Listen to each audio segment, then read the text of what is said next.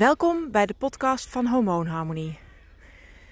Um, zoals je misschien wel kunt horen, uh, ik hoop dat het geluid goed genoeg is, loop ik op dit moment buiten uh, in een uh, klein bos vlakbij mijn, bij mijn huis.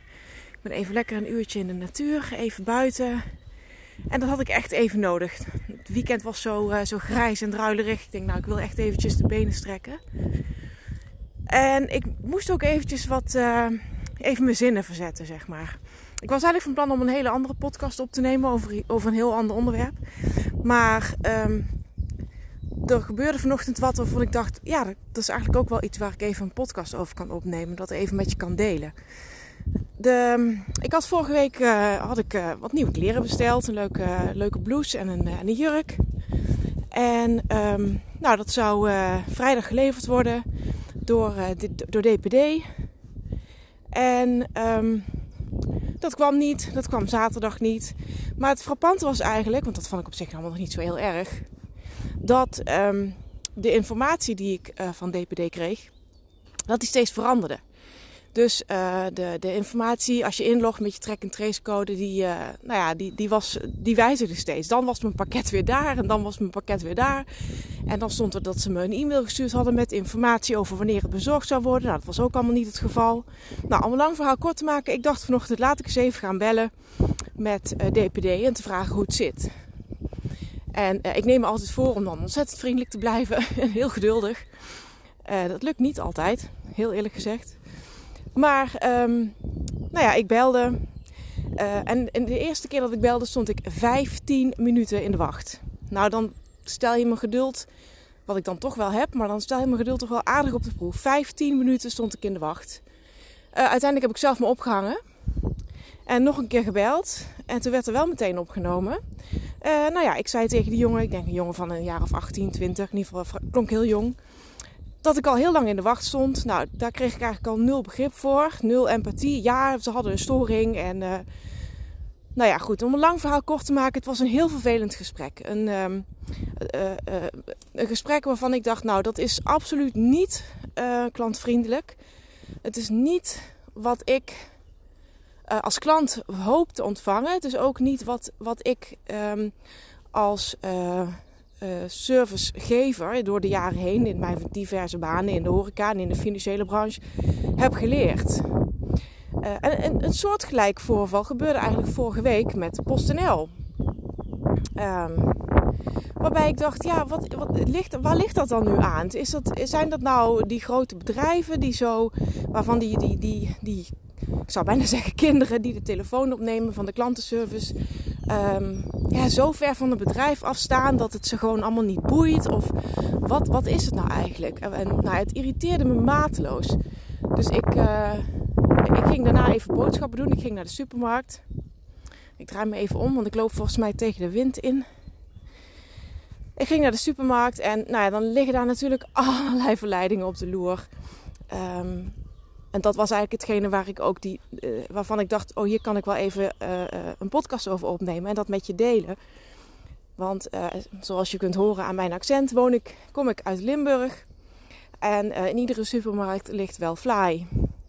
En ja, ik ben dan wel voor een ketogeen dieet. En ik eet zo min mogelijk koolhydraten. Maar vergis je niet, ik hou enorm van heerlijke Limburgse fly. Nou ja, goed. Uh, ik heb daar heel even gestaan. Met zo'n gevoel van... Ach, wat maakt het ook allemaal uit? En het boeit er ook allemaal niet. En ik kan mezelf toch best wel eens een keer een stukje vlei gunnen. En uh, nou ja, goed, dat, uh, dat duurt dan even. Ik stap even over wat boomstronken heen hier. En vervolgens dacht ik eigenlijk... Ja, maar wie heb ik daar nou mee? Die jongen bij de DPD die zal het echt worst zijn. Of ik dat stuk fly naar binnen werk, ja of nee. Die is mij al lang weer vergeten. Of niet. Nou ja, ook niet, ook niet erg. Um, maar het zal hem worst zijn of ik morgen spijt heb. Dat ik morgen last heb van mijn darmen. Dat ik uh, me niet lekker voel. Dat ik vanmiddag uh, heel futloos ben door die, uh, doordat mijn suikerspiegel heen en weer sjeest. dat ik spijt heb als ik op de weegschaal ga staan. Dat zal hem echt, geen, echt gewoon helemaal niks boeien. Ik heb er alleen maar mezelf mee. Uh, en dan is de vraag, ja, wil ik dat dan? Is het me dat waard? Is dat kortstondige geluk van uh, ja, even die smaak van dat stukje vlei, wat echt wel heel lekker is, maar is, me dat, is het me dat waard om me daar eigenlijk de rest van de dag slecht over te voelen?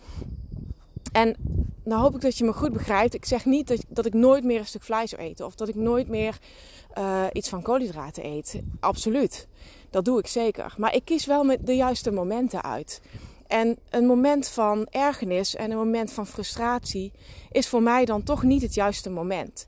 Als ik al een, een lekker stukje gebak wil eten, dan, dan wil ik dat doen uh, samen uh, met mensen die me lief zijn, op een gezellig feestje. Um, en, en, daar ook gewoon echt van genieten.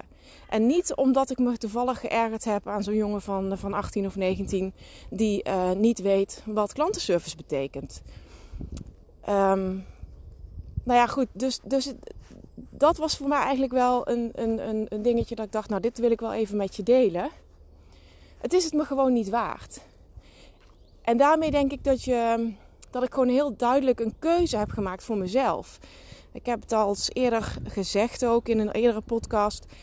Het, het, het leven bestaat uit keuzes maken. En in dit geval uh, heb ik ook gewoon voor mezelf gekozen.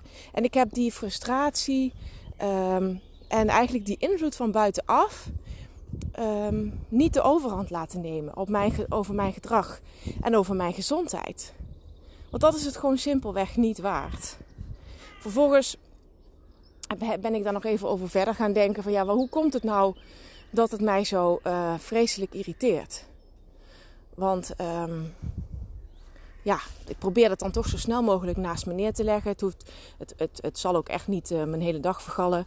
Um, maar um, er zat wel een hoge mate van irritatie in mij. En ik probeerde toch te achterhalen waar dat, waar dat nou vandaan kwam. Was het nou het feit dat hij niet naar mij luisterde en tot drie keer toe uh, een antwoord gaf wat niet het antwoord was op mijn vraag? Of dat hij mij betuttelde door te zeggen, uh, door mij, door mij uh, ja, uit te gaan leggen hoe het bezorgproces van een pakketje werkt. Alsof ik dat niet zou snappen. Door mij zelfs nog uit te gaan leggen waar Maastricht lag. Um, nou, dat was het eigenlijk niet eens. Het was niet eens. Ik dacht, voel ik me daar nou zo persoonlijk door aangesproken? Nee. Nee, dat was het eigenlijk helemaal niet. Wat mij vooral heel erg raakte, is het gebrek aan service en het gebrek aan klantgerichtheid. Ik, uh, ik sta hier voor een enorme boomstam waar ik echt niet overheen kom.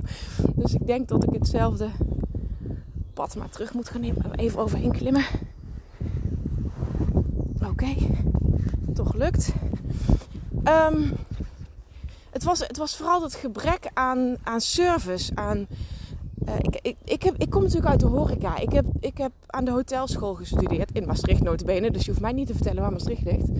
Um, en nou ja, het, een van de eerste dingen die je eigenlijk leert in de horeca... is dat je geen klanten hebt.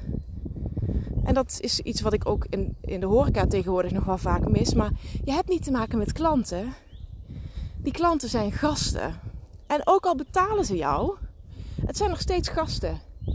Je, dus je behandelt ze zoals je je gasten thuis ook zou behandelen. En ik denk dat daar wel een, een, toch wel een verschil in zit. In, in, in, hoe je naar de dingen kijkt. Of hoe je naar je klanten of naar je gasten kijkt. En dat is iets wat echt in mijn bloed zit. Dat, dat, die gedachte, hè, hoe je met je klanten omgaat. Mensen zijn bereid om een deel van hun zuurverdiende geld aan jou af te staan. Zodat jij uh, aan je verplichtingen kan voldoen. En dat, dat is nogal wat, vind ik. Dus de, ja, daar mag je dankbaar voor zijn. En het lijkt wel alsof die grote bedrijven dat gewoon af en toe vergeten. In ieder geval uh, hun medewerkers niet bijbrengen. En dat is iets wat, wat zo ver van mij afstaat. Die gedachte, die onverschilligheid. Uh, ach ja, de zoveelste beller ook maar even goedemorgen zeggen en dan zo snel mogelijk weer ophangen. Dat, ja, dat staat zo ver van mij af. Ik denk dat dat hetgene is wat mij, uh, wat mij gewoon enorm raakte eigenlijk. En het is dan ook niet zozeer uh, frustratie of uh, ergernis of boosheid. Want dat zijn eigenlijk allemaal secundaire emoties. De primaire emotie, denk ik, die daar aan ten grondslag ligt, is verdriet. Het maakt me gewoon verdrietig dat mensen op zo'n manier met elkaar omgaan en mensen op zo'n manier um, met hun klanten omgaan. Dus, um, nou ja, goed. Dat, um, dat was even wat ik met je wilde delen vandaag.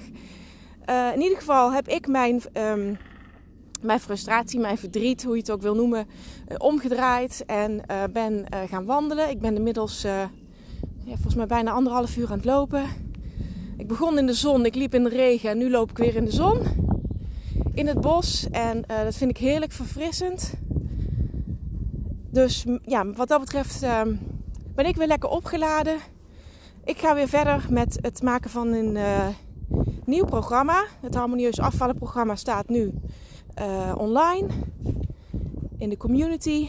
En daar komt binnenkort een programma over intermittent fasting bij. En een mooi onderdeel daarvan is ook bewegen voordat je gegeten hebt. Dus ik heb ook nog niet ontbeten. Dat doe ik eigenlijk nooit. Alleen met Pasen. dus um, ja, ik zou zeggen, houd het lekker in de gaten. En uh, tot de volgende keer. Bedankt voor het luisteren.